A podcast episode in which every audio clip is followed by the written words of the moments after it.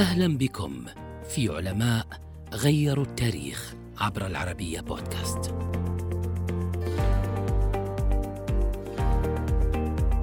لقب بأبي الكوميديا ورسخ مفاهيم الفن الساخر في العالم أجمع. إرستوفان رائد المسرح الكوميدي في اليونان ومؤلف ذاع صيته في الفن الساخر. ولد في العام 446 قبل الميلاد وانحدر من أسرة مثقفة غنية من طبقة ملاك الأراضي في أثينا.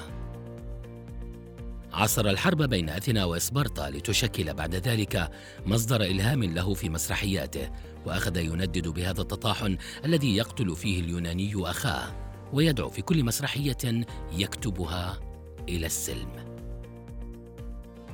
كانت مسرحياته تغص بالنكات والمبالغات والنقد السياسي اللاذع على الرغم من إلباسها بمهارة فائقة ثوب العبارات الهزلية.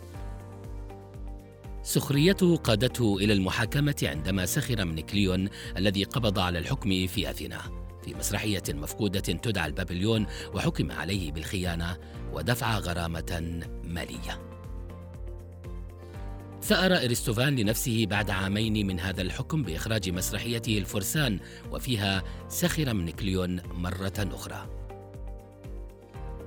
إرستوفان لم يكتفي بانتقاد الشخصيات العامة بل هاجم أيضا أصحاب الفكر الجديد من السفسطائيين ولم يترك أي فرصة تمر في مسرحياته دون أن يستثمرها لتسفيه الفلاسفة بوجه عام وفي مقدمتهم سقراط مثلما فعل في مسرحية السحب